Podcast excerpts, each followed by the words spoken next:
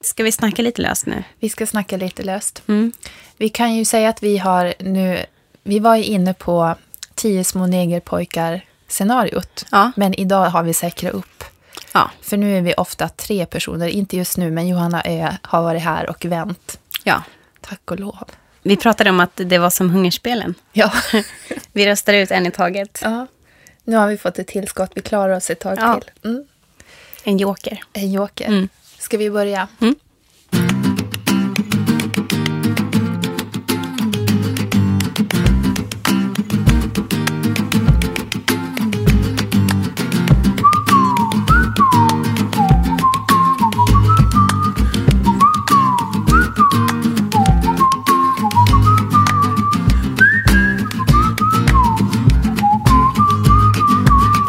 Bokpodden nummer 15. Vi gör den tillsammans med nätbokhandeln Bokus.com.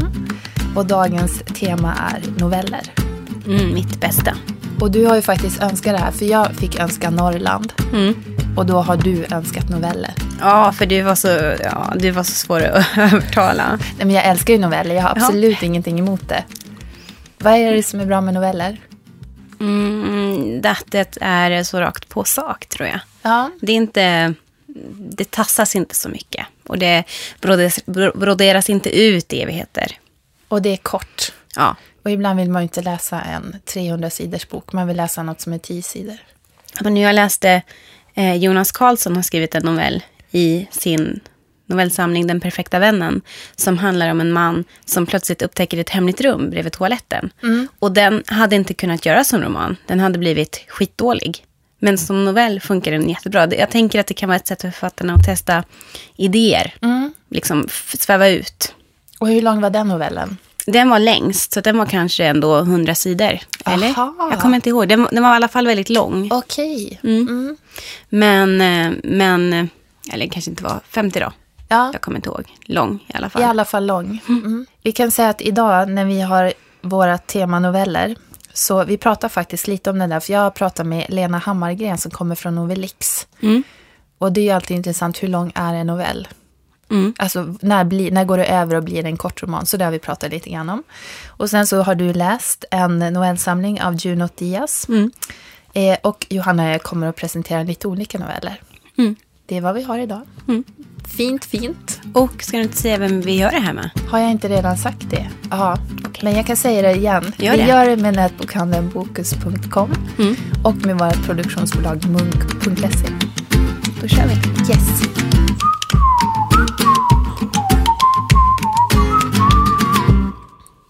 Du har läst en hyfsat ny novellsamling. På svenska är den. Ja, på svenska är den ny. På Ny. engelska är den kanske inte, men även där är den ganska ny. Mm, ja, den kommer väl i vår tror jag. Ja. Ehm, jag läste den faktiskt på engelska. Och då heter den... This is how you loser. Ja.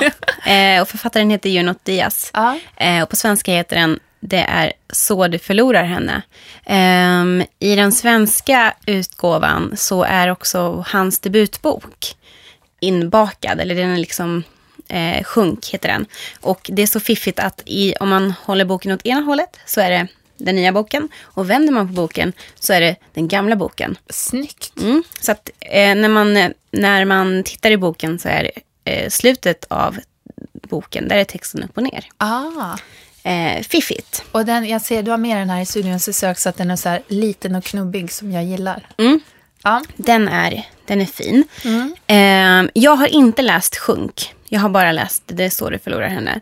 Och ehm, egentligen upptäckte jag när jag läste den ehm, det står att det är noveller, men jag tycker att det kanske är ett mellanting mellan noveller och en roman. För att eh, alla noveller i stort sett handlar om ett brödrapar som heter Junior och Raffa. Stopp och belägg. Ja. Är det Junior från Oscar Wow? Jag vet inte. För att eh, Junot Diaz, han kom ju 2009 med Oscar Wows korta förunderliga liv. Ja. Eh, som du också har läst. Eh, du läste den i New York. Och så tipsade du mig om den och så läste Gjorde jag jag? den. Gud Ja. vad härligt. Jag Ja. har läst eh, eh, eh, påmint mig lite där. Ja. Ehm, och där finns det ju en junior. Eh, och jag vet inte om den här är samma junior, men det, risken finns, eller möjligheten Att finns. han tar det namnet, varför skulle han annars göra det? Ja, men och det Ja. är liksom, för Jonas Diaz är eh, född i Dominikanska republiken och kom till eh, USA, New Jersey, när han var sex år. Och det är också i New Jersey som de här novellerna utspelar sig. Ehm, och Junior och Raffa har samma mm, liksom eh, nationella bakgrund som Junot Diaz. Sen vet jag ingenting om hur Junot Diaz är som person, för att Junior och Raffa är väldigt eh, eh, sexuella. De Då ligger kan jag ju mycket. berätta att jag har ju då träffat Juno Mattias. Så du vet att han är sexuell. Vad trevligt att du tog upp Ja. det här. Nej, men jag gjorde en intervju med honom. Jag vet, jag är Ja. lite avundsjuk. Skulle jag säga att han är sexuell? Ja, men inte du vet sådär att han försöker att han är slemmig och försöker flirta med en. Men han var definitivt väldigt sympatisk och trevlig, uppmärksam och bra på alla sätt och vis. Ja, men för att Ja. de här eh, killarna är ju otrogna hela tiden. Tjejerna är inte så mycket mer än en eh, schysst rumpa och eh, tuttar. Ehm, och eh, jag hade trott, eftersom den heter Det är så det förlorar henne, att det skulle vara många noveller som slutade med ett uppbrott. Och en del av novellerna funkar ungefär så. Men, men som sagt, det handlar om de här två bröderna. Junior är lillebror och Raffa är storebror. Och det finns ingen pappa. I en av novellerna är eh, Raffa väldigt sjuk. Han har cancer. De bor med sin mamma. Ehm, junior ligger bredvid i sin säng och Raffa har sin, sina tjejer och ligger med dem i den andra sängen. I samma rum? Ja, Aha. Ehm, och i en av novellerna så eh, blir Junior ihop med en mycket äldre kvinna som också blir lärare på hans skola efter att han inlett den här relationen. Ehm, och eh, jag är inte så jätteförtjust i Raffa och Junior. Jag blir lite trött på dem ibland. Men samtidigt så är det Junot Diaz, han skriver ju jättebra. Mm. Ehm, så att, eh, ja, jag är lite kluven. Jag läste en intervju med Junot Diaz där han sa att, att kalla mig gärna sexist. För att han menar att för att um, män ska läsa hans böcker så måste han skriva lite så här. Och sen försöka liksom smyga in lite, ehm, Som man tänker egentligen. Ja, Ja, Där. det är ju väldigt smart. Ja, visst är det smart, men, men man blir ju rätt trött på, på Junior, som sagt. Ehm, det är en, en översättare, vill jag nämna också, som heter Niklas Wahl, som fick pris tidigare i våras, som också översatte Oscar Waus Korta för- förunderliga liv. Han är duktig. Mm. Ehm, ja, För att när jag läste Oscar, Oscar Wilde, som jag läser på engelska då, Mm. då var det ju väldigt mycket spanska fraser Mm, men- som inte är översatta utan de är på spanska. Hur är det på, i svensk upplaga? Ehm, nu har jag bara bläddrat i den här, men eh, alltså jag läste den ju På engelska? engelska Mm. framförallt. Ehm, men det är likadant. Det är väldigt mycket spanska. Spanska uttryck som inte jag riktigt har någon aning om vad de betyder. Nej, det hade inte jag heller, men på något vis, det funkar i alla fall. Ja. För att man, man förstod sammanhanget och Ja. man behövde inte ha den här hundraprocentiga förståelsen. Nej, men så att eftersom det här är ett novellavsnitt och det här är recensionen i novellen så är det, i novellavsnittet så är det lite tråkigt att inte jag tycker att den här boken är fantastisk. Men vad är det du tycker du saknar? Är det att du blir less på killarna? Ja, nej, men i och med att det är en novellsamling så tycker jag liksom att det hade varit bättre om det inte hade varit samma personer hela tiden. Och det är alla dessa kvinnor som man liksom inte, man, man lägger inte dem på minnet. Eh, Det är en novell som handlar om en kvinna som är ihop med en man som är gift med en kvinna som bor i Dominikanska republiken, fattar jag det som. Ehm, och den är, ju, den är ju om andra personer. Men annars är det ju bara samma personer hela tiden. Men alltså om man tycker om det i greppet då? Ja, men då. För nu börjar jag tänka på Osäkt, en av mina favoritböcker som jag inte direkt tänker på som en novellsamling, men som är det, som jag läste för länge sedan. Melissa Bank, Flickornas handbok i jakt och fiske. Okej. Och där är det en huvudperson, Mm. fast det är noveller. Ja. Så det är liksom avslutade Mm. Utom i en, då handlar det om någon som man kan tänka det här är någon helt annan huvudperson. Men det är liksom henne olika tidpunkter i livet. Mm. Och jag tycker om det jättemycket. Ja, men jag, det, det är väl lite det också, att jag har svårt med ehm, tidslinjen. Jag har svårt att veta när, när händer det här? När hinner han ligga med de här 50 kvinnorna som han har legat med när han var ihop med någon annan? Det är viktig logistik att hålla reda på. Ja, ehm, och när... Det, det kanske inte är meningen att de ska hålla ihop, de kanske bara heter samma sak. Ja. Jag vet inte riktigt. För det, och det, är liksom, eh, det är ganska mycket sånt. Och sen så är det en eh, novell som handlar om en kille som... Hans tjej är slut med honom och han vill fortfarande vara ihop med henne. Så han är superdeppig och då står det vad som hände första året. Sen så står det vad som händer andra året, vad som händer tredje året. Och det är också sånt här. När hinner han med det här? När han samtidigt ligger med 50 kvinnor. Jag förstår. Du är helt enkelt lite sval. Jag är sval. Ehm, man ska hemskt gärna läsa Junot Diaz, men då kanske man ska läsa Oscar Waus Korta förunderliga liv istället. Ja. Hade du läst Sjunk? Den hade du inte läst än va? Nej. Kommer du att läsa den? Ja, för att som jag har förstått det så handlar den mer om ehm, barnet när Junot Diaz kommer till New Jersey. Och här är han ju liksom um, sen tonåring, ung vuxen man. Så jag kommer absolut läsa Sjunk ändå. Så även om vi säger i allmänhet så här, läs Junot Diaz. Mm. Det är vårt avslutande tips angående. Ja, och jag måste bara säga, för Junot Diaz har fått pris för den här. Så han har fått en halv miljon dollar. Så att någon måste ju tycka att den är väldigt bra. Du har helt enkelt fel Johanna. Ja, jag har fel. Du kan kosta på dig det, det är Ja, okej. ja. ja, bra. Tack så mycket.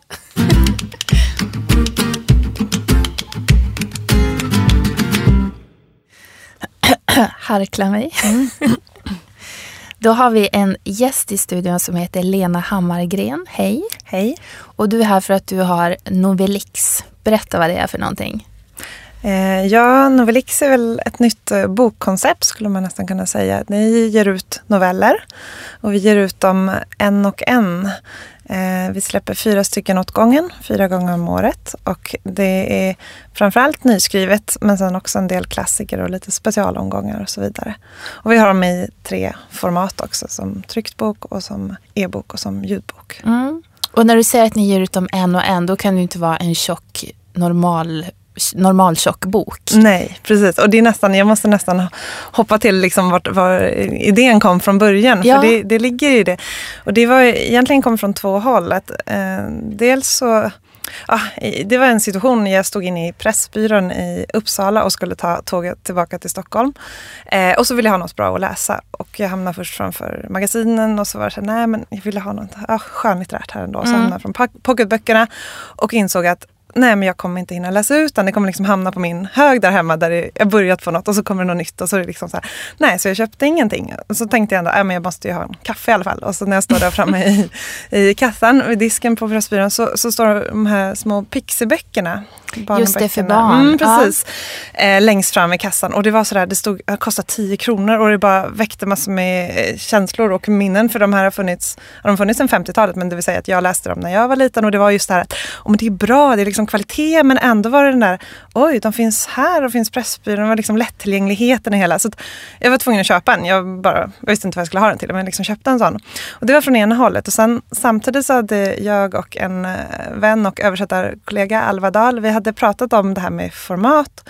Vi hade pratat om format både fysiskt på böcker, vi hade fått tag på några små, pyttesmå så här, nu visar jag här, svårt när man pratar. Men liksom Lena visar en liten. En, en väldigt liten men så här, bok. Vi hade kollat på liksom, ja, men de här små formaten men sen hade vi också pratat om format på texter, längden och framförallt noveller. Och just det här också att vi var lite eh, fascinerad av, eller funderat mycket på att ja, men förlagen eh, vill inte ge ut novellsamlingar för novellsamlingar säljer inte och så vidare var det ju då som rådde. Och vi tyckte att det var lite märkligt på ett sätt för att novellen borde ju vara det på något sätt perfekta läsformatet för den kultur eller tid vi lever i idag där folk inte har tid och man vill ha det här mm. korta bitarna av allting.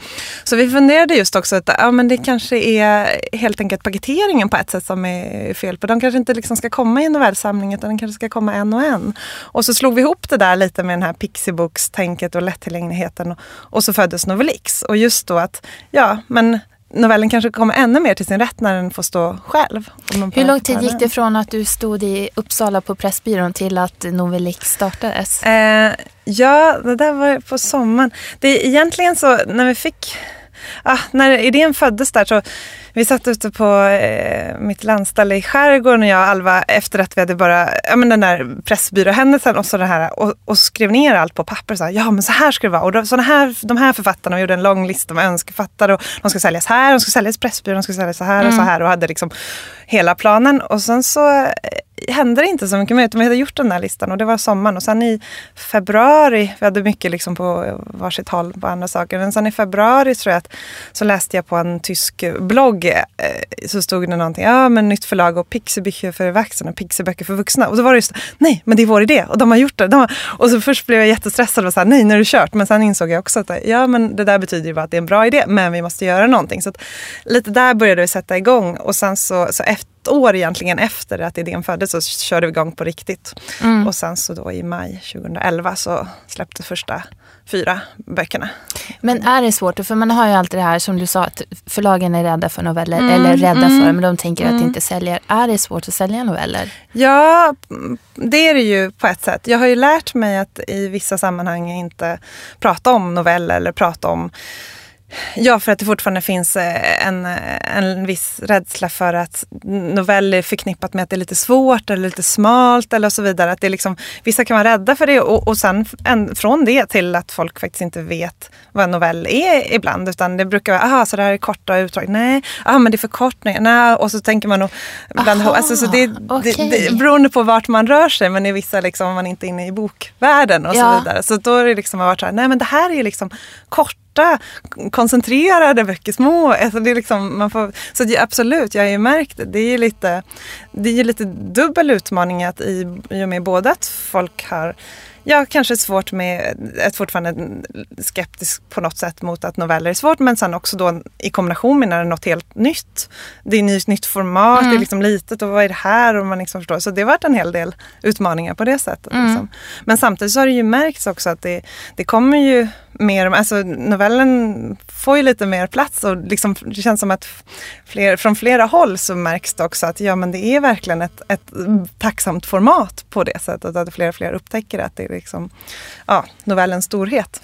Alltså vi på Bokhora, vi älskar ju noveller. Ja. Det är verkligen det här om man liksom har en, säg att man har en läsvacka eller att man bara, man kanske läser på sin pendling för man har ingen annan tid att läsa och då är novellen perfekt. Mm. Ja, men det, eller prova på också. Alltså, det är ja. så jag har tänkt mig, eller så vi ville liksom med idén också. Där, att man är nyfiken på någon författare, man är nyfiken på ja. något och så, åh, då kan man ju verkligen, det är ett sånt bra sätt att eh, liksom, hitta till nya författare. Men när ni då har, eh, nu har ni funnits ett tag och hunnit ge ut eh, några mm. omgångar. Mm. Eh, hur eh, hittar ni författare? Va, hur har ni tänkt när ni väljer författare till Novelix? Ja, Eh, det är en, här är en liten blandning av både tillfälligheter och sen önskemål och funderingar. Och sen så är det hela tiden också det att man både ska det stämma in tidsmässigt men sen också i, i balansen i och med att det är liksom fyra stycken. Och det är det som är så roligt att känna också att trots att man ger ut då, det är en liksom, och en novell, så är det ändå det att om man sätter ihop en, en jag tycker till exempel våran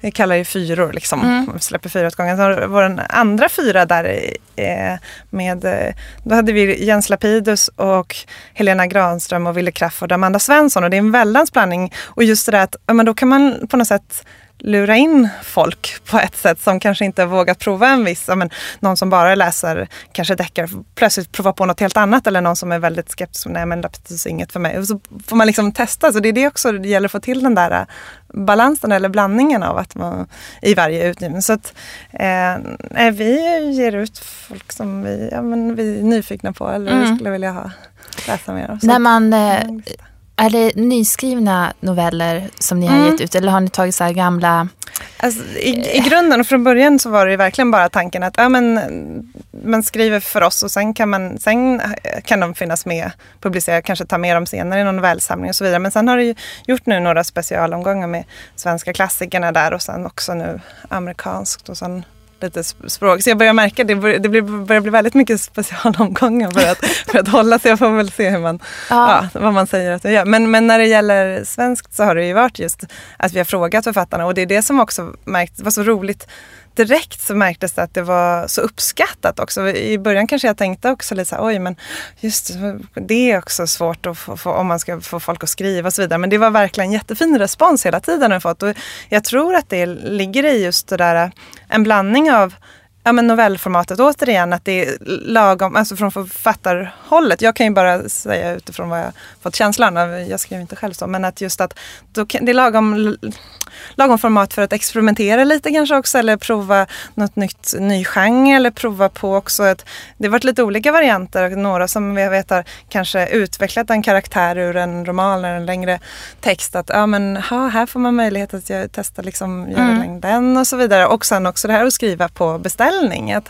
det, är ju, det var ju det som ledde fram till det här också, att förut så fanns det ju mycket mer publiceringsmöjligheter för noveller och i tidskriften och så vidare. Att nu är det ju inte lika mycket och då just det där att ja, men skriv den här. Så jag har ibland också fått sådär, eh, fått höra att nej men vadå, får jag skriva om vad som helst? Ska du inte liksom smala in det mer, ännu mer? För det, ibland har någon frågat mig, men tycker de inte jobbigt när de får hålla sig till ett visst antal tecken? Nej, utan då har det nästan varit att de velat ha ännu mer restriktioner på ett sätt. Att det är just den här utmaningen kanske, att ja men skriv om det här eller skriv sådär. Men då måste jag fråga dig, mm. eh, för att noveller är ju, det vet man ju, det är korta texter. Mm. Har du någon gräns? Hur lång får en max vara? Ja, men vi hade ju det, men nu börjar det ju spåra ur det här. För att, alltså, vi har ju sagt hela tiden egentligen, ja, men runt kanske 30-32 000 tecken för att vi skulle hålla det till, vi har haft 32 sidor långa, har böckerna varit. Ja. Men sen började det ju justeras där redan med klassikerna, svenska klassikerna. Det var lite svårare att påverka Boje och Strindberg där. De skulle hålla sig. Ja, men precis. Så där blev det, där började det så här, ja, det blev några kortare, någon längre och sen har det varit någon Ja, eller egentligen det svenska har nästan i princip genomgående ändå hållit sig inom mm. ramen för det. Men nu blev det ju väldigt eh, tjocka små böcker här med amerikanska klassikerna. Men om du tänker i stort, om, vi, om du mm. tänker utanför Novellix, var tycker du gränsen går för en novell? Ja, när blir det en kort roman när, istället? Ja, jag vet faktiskt inte. Det känns som att det är ganska flytande. Det är väl något att man säger sådär att Ja, men förutom att det säkert finns någon, ja, men 50 sidor, fast då kan jag inte, vi har ju så små sidor så det beror på vad man ja, pratar om. 50 jag. vanliga boksidor. Ja, eller något sånt där. Jag vet inte. Men, men sen också att man har sagt att ja, men kanske när det är, om den är uppbyggd mer som en roman på något sätt, men kanske kapitel eller indelning och sådär. Men ja, jag, tänker just på Fitzgeralds Benjamin Button här som vi gav ut. Den är ju liksom indelad i små kapitel ändå. Ja. Jag vet inte, det är väl, ja. Har du något svar? Nej, jag, jag tänkte jag skulle få ett expertsvar av ja, dig. Jag vet, men jag är väldigt dålig på att vara expert på saker. Men då vill jag kolla en annan formsak. Ja. Eh, för att när man pratar om noveller förr i tiden, då var det det här att det skulle vara utspelas under kort tid, mm. det ska mm, vara en twist mm. på slutet och sådär. Mm. Och jag som är lärare, jag lär ju ut de här mm, gamla mm ska vi säga, reglerna. Mm. Eh, men nu upplever jag att noveller behöver ju verkligen inte vara på det sättet. Nej, nej. Och, nej, Ger du några sådana förhållningsorder nej, när du lägger ut dina uppdrag? Nej, nej, och det är det jag tycker är så spännande också. Det är det jag menar lite med att man vill på något sätt visa att ja, men en novell kan, noveller, de, det kan vara på så otroligt olika sätt och verkligen mm. att att just att, ja men det är klart att man, om jag kan se på min egen, eh, vår utgivning här också då, att ja men en, en del av de som verkligen följer den här traditionella novelluppbyggnaden men sen andra som är helt annan typ av texter och det är det som jag tycker är spännande. Det blir ju kanske vissa som skulle säga att ja men det här är inget, det, inte vet jag, men, man, men, gamla, men, men jag tycker att det är just det som också är så roligt att man på samma sätt som man får dyka in i olika författarskap och olika genrer så blir det ju verkligen så här så olika typer av texter. En novell kan ju verkligen vara mm. eh, ja, det är svårt att definiera då mer än, mer än att eh, jag skulle då säga att Eh, det är ju svårt, vissa saker jag kan ju märka ibland att det ibland blir det sådär att nej men det här när vi fått in alltså, det här kanske känns lite mer som en början på en roman eller en del av roman. Just för att det kanske är för många karaktärer ändå på ett sätt eller att det blir för långa eh, transportsträckor på något sätt. Och sådär. Så det är ju liksom vissa saker som inte går riktigt ändå få, hålla, ja men det är en del saker. Liksom, ja gud, det är verkligen en konst att Men, skriva noveller. Ja, det är ju Ja. svårare. Det är också Det så här, är vissa kan, om man har, det finns det där fortfarande också, bara, ah, men när ska du skriva en riktig, när ska du skriva en roman då? Liksom, som, som men det är ju precis tvärtom det. Alltså, Ja. En novell, där har du ju alltid liksom mer betydelsefullt och koncentrerat. Alltså, Mm. Det måste ju vara den största utmaningen. Jag är väldigt glad att jag bara ger ut och slipper skriva. Slipper skriva själv. Ja, Lena, vi ska läsa noveller så det bara stinker om det. det låter utmärkt. Tack så mycket för att du kunde komma. Tack själv.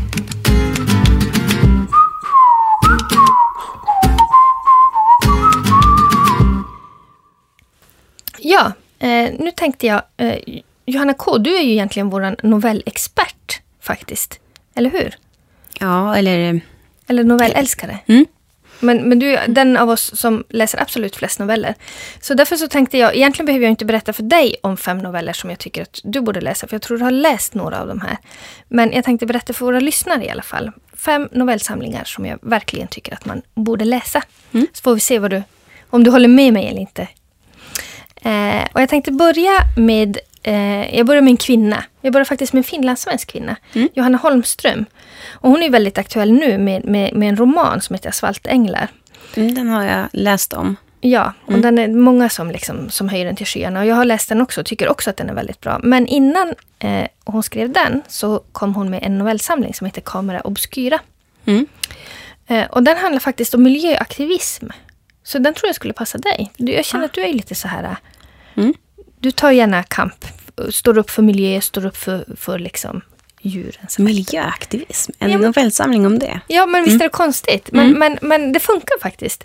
Eh, bland annat så är det en, en, en tjej som heter Ida i en av novellerna som eh, tycker att hon, hon är så... När hon andas så kommer det ut så mycket miljögifter så hon bestämmer sig för att sluta andas för att inte förstöra miljön. Så man kan ju ta det eh, längre eller kortare, den här aktivismen. Men hon går ju väldigt långt. Mm. Eh, men i alla fall, flera av novellerna handlar det om vad, vad vi gör mot miljön och vad vi gör mot varandra och, liksom, och naturen och sådär. Och så är det väldigt mycket kärlek också. Mm. Faktiskt. Är det långa noveller? N- Nja, eh, halv, halvlånga skulle jag väl vilja säga. De är ja, halvlånga, så är de nästan lite så magiska. Och det jag gillar med den här novellsamlingen som, är, som jag tycker också är lite annorlunda, det är att de är inte fristående utan de hakar liksom i varandra. Hon har hittat en, en, en, en liten röd tråd. Så att den här Ida till exempel, som, som jag berättade om nu, som, som väljer att sluta andas. Eh, nästa novell, då får vi följa liksom hennes kompisar som, som flyttar ut i skogen efter att hon har dött och sådär. Så att det finns liksom en röd tråd som, som följer med genom hela novellsamlingen. Fast de är liksom också helt... Går att läsa liksom som fristående så du behöver inte känna till bakgrunden. Och, nej, jag tycker att de, de är liksom lagom. Jag tänkte på det också, nu, nu när jag har fått barn precis, så hinner man inte läsa så mycket som man kanske skulle önska. Och då är noveller väldigt bra, för då kan du liksom läsa en berättelse och sen kan du plocka upp det när du har tid nästa gång och läsa en, en, liksom en, en liten kortis. Och de passar ju inte så bra att läsa många på raken. Nej, Tycker jag inte. nej alltså det är ju det med noveller, att, Mm. att ofta så ska du ju ta väldigt små portioner Mm. för att det ska bli liksom bra. För det är ju så mycket du berättar i, på så himla kort tid. Mm. Så det är så väldigt komprimerat. Eh, och det tycker jag Johanna Holmström gör väldigt bra. Alltså det, de är nästan lite magiska på något vis. Alltså det finns lite så här, jag höll på att säga tomtar och troll. men, men det finns någon form av, av, av magi över de här. De är, de är väldigt härligt skrivna tycker jag. Eh, och sen berättelser från Engelsfors. Serienoveller. Mm. Den har jag läst. Ja, det här är ju för, för de som har läst eh, Cirkeln och de som har läst Eld. Så är ju det här åtta noveller om just de tjejerna från, från eh, de här magiska böckerna. Eh, och det är ju lite spoilervarning, så här får Mm. man ju se upp Mm. verkligen när man läser. Eh, Och sen så tyckte jag också att det var mycket som man, jag hade glömt bort. Man bara, vem är, vem är det? Mm. Liksom. ja, men sådana som, som kanske inte har tagit så stor plats i böckerna som, Mm. som fick lite mer plats nu. Mm. Eh, Så, så det är lite roligt. Eh, och det, så, nej, men jag tycker de är mysiga och lite, lite ovanliga. Mm. Och det, det är kul också när, tycker jag, när man eh, gör så. För att eh, Cirkeln och Eld var ju väldigt bra. Det finns ett väldigt sug efter den här sista delen i trilogin nu, Nyckeln. Mm. Och så släpper de den här då liksom, som någon slags liten förokare. Det tycker jag är ett väldigt sympatiskt drag. Att man liksom kan hålla historien vid liv mellan, mellan de stora boksläppen. Så det är lite kul faktiskt. Hoppas det kommer mer, tycker jag. Jag tycker det känns lite läskigt just med sista boken för att man vet att det kommer liksom att...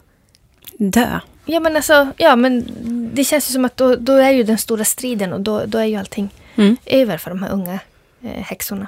Ja, det är lite trist. Men, så det är nummer två som jag tycker att alla ska läsa. Eh, nummer tre eh, är en Israel faktiskt. Eh, som heter Edgar Keret. Eh, han är en israelisk författare som jag verkligen, verkligen tycker jättemycket om. Eh, och han har... Alla hans novellsamlingar är värda att kolla upp faktiskt tycker jag. Eh, den första heter 8% av ingenting och den senaste tror jag att det är, heter Goda intentioner. Och väldigt mycket av det som, som han skriver baseras ju såklart på Israel och Palestina-konflikten. Alltså det är väl oundvikligt när, man, när man är verksam i det området. Eh, så att det blir ju tyvärr lite eh, våld i en del av de här novellerna. Men jag tycker att han, han, tar, han plockar ner det och avdramatiserar. Och man får också en väldigt bra bild av hur det är att leva med våldet så ständigt närvarande. För det blir ju också väldigt avdramatiserat för de som, som lever i det. Så det blir ju en del av ens vardag på ett, Mm. på ett sätt som för oss känns väldigt, väldigt märkligt. Men, men här pratar vi inte ens eh, magisk realism. Här är det liksom fantasi all over. Det är, alltså, det är Alice i Underlandet knas. Ah. Så att det, det är liksom, han, han, han tar det jättelångt. Liksom. Mm. Det är små människor som föder små hästar och liksom, och man köper allt det här. Det är liksom allting han, eh, allting han skriver om. Man bara, ja men det här är helt naturligt. Alltså det finns ingen liksom ifrågasättande av att vad, vad är det som händer, utan det är liksom, nej nej, jag, jag bara köper allting. Människor som föder små hästar. ja men typ så. Eh, och eh, den här Goda intentioner som är nu den, den eh, senaste boken, där är novellerna extremt korta. Mm. Alltså ibland är de så korta så man kan nog inte ens kalla dem noveller utan fragment. Alltså de kan vara liksom en, en sida, ett Mm. stycke. Och ibland är de kanske två, tre sidor.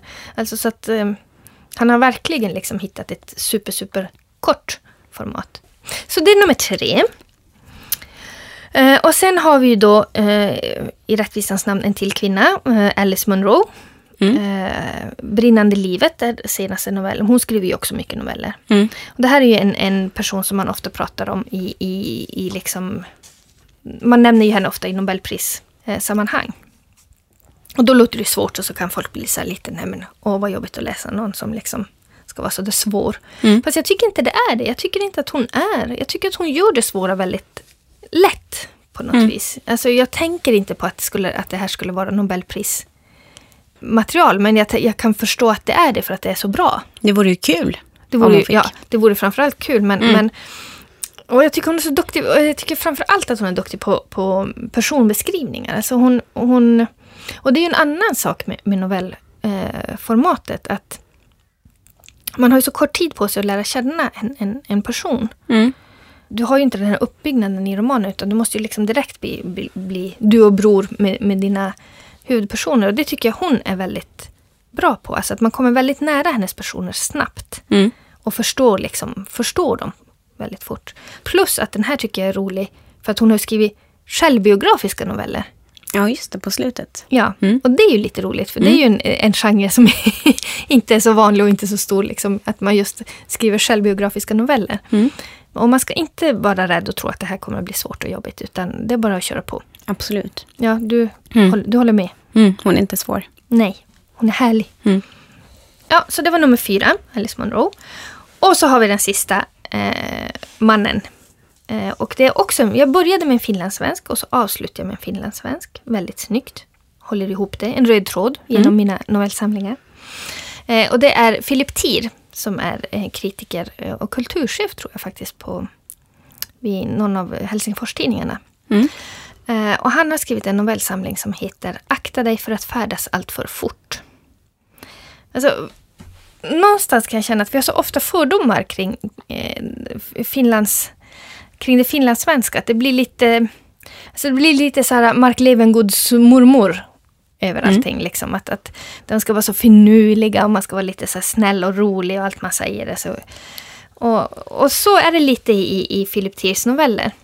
Finurligt. Finurligt, ja. Mm. Och, men jag, jag tänkte på det här eh, faktiskt. Jag tror att det är för att personerna är väldigt mycket sig själva. Alltså de, det, det, det är ingen som gör sig till. Alltså vi människor har en tendens att ofta göra oss till i olika situationer. Mm. Men, men de här människorna, de är liksom... De är sig själva rakt igenom. Och de är, det är ganska små människor. Alltså det är ganska, de är ganska ynkliga och liksom, alltså som, som vi är när... De är, de är som vi är när ingen ser. Förstår du hur jag... Ja. Mm. Vardagsnoveller. Ja, ja vardagsnoveller och, och de är liksom också...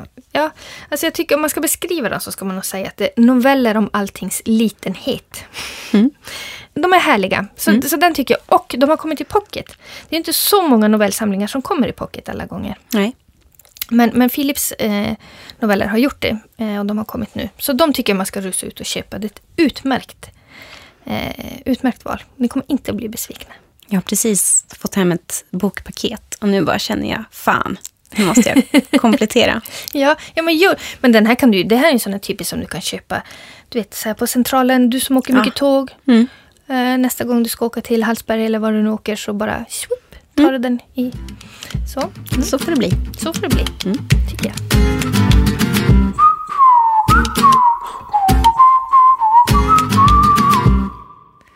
Vi är färdiga för idag. Mm. Det är nedräkning. Mm. Nu ska alla snart gå hem och, och läsa massa nya noveller. Mm. Vilken vill du tipsa speciellt om? Eh, skådespelaren Jonas Karlsson har jag redan nämnt idag. Eh, och han har skrivit tre novellsamlingar, eh, varav den i mitten, eller ja, den han skrev i mitten, heter Den perfekta vännen. Och den är, den är jättebra, verkligen. Jag, eh, eh, det finns många noveller som jag tänker på ofta. Bland annat en om en kille som försvinner in i en spegel på en cirkusföreställning. De är ehm, realistiska, men med en liten touch av något konstigt ibland. Den är, man, man får liksom lägga bort skådespelaren Jonas Karlsson och bara ta eh, novellförfattaren. Men jag tycker han, för jag har läst hans första novellsamling. Mm, det perfekta... Det, perfekta, det andra målet. det andra målet. Ja. Mm. Och där blev jag väldigt impad av hans dialoger. Och Mm. jag tänker att det är för att han är skådis, för att han har stått på scen i tusentals timmar och framfört dialoger. Så han har fått ett öra för det där. Ja, men och I Den perfekta vännen finns en, en novell som handlar om en tjej, tror jag det är, som tappar en mobiltelefon i ett flygplan. Och ehm, den är också väldigt bra med just dialogerna. Ja, Den är, och han läste den högt på bokmässan en gång och alla tanter blev kära. det är där är så himla fusk. Tänk när Ja. jag läser mina texter högt, inte blir det någon jävla uppvisning. Nej, men du har så få farbröder tyvärr. Det är så få farbröder som går på det där. Ja. Men jag har en novellsamling som är skriven av Jompa Lahiri som heter Främmande jord, som jag vet att du har läst också. Mm. Eh, och den är ganska långa noveller i den. Det är liksom, de är varierande längd, men de är, det är några som är riktigt långa och de är lite så här att de hänger ihop. Några stycken, eller de har så samma tema, att man känner att det här kommer igen och sådär. Nej, men de kanske inte hänger ihop personerna. Nej, det tror jag inte. Nej, men det är liksom, Det är ju immigranter i USA. det är migranter i USA och det man känner igen, problemen tacklas ur olika vinklar med att emigrera och komma till ett nytt land och sådär. Och de är så himla, himla bra. Så hon är så otroligt duktig. Mm. Och jag tycker att hon är så... Alltså jag gillar ju vissa författare som jag känner bara, de här läser jag så fort det kommer en ny bok. Mm. Eh, och hon är en sån. Så att så fort det kommer en ny bok av Jompa Lahiri, då måste jag läsa den boken. För med andra författare kan man ju tänka, jag gillar de här, jag ska läsa den här boken så snabbt det går och så går det plötsligt tre år. Men har du läst den indiska tolken? Yes. Ja. Ja, den är också bra, men Främmande jord är bättre. Mm. Mm. Det blir våra avslutande tips för idag. Mm. Och då så säger vi tack till nätbokhandeln Bokus.com och till produktionsbolaget Munk.se. Hej då. Hem och läs noveller. Hej då! Hej då.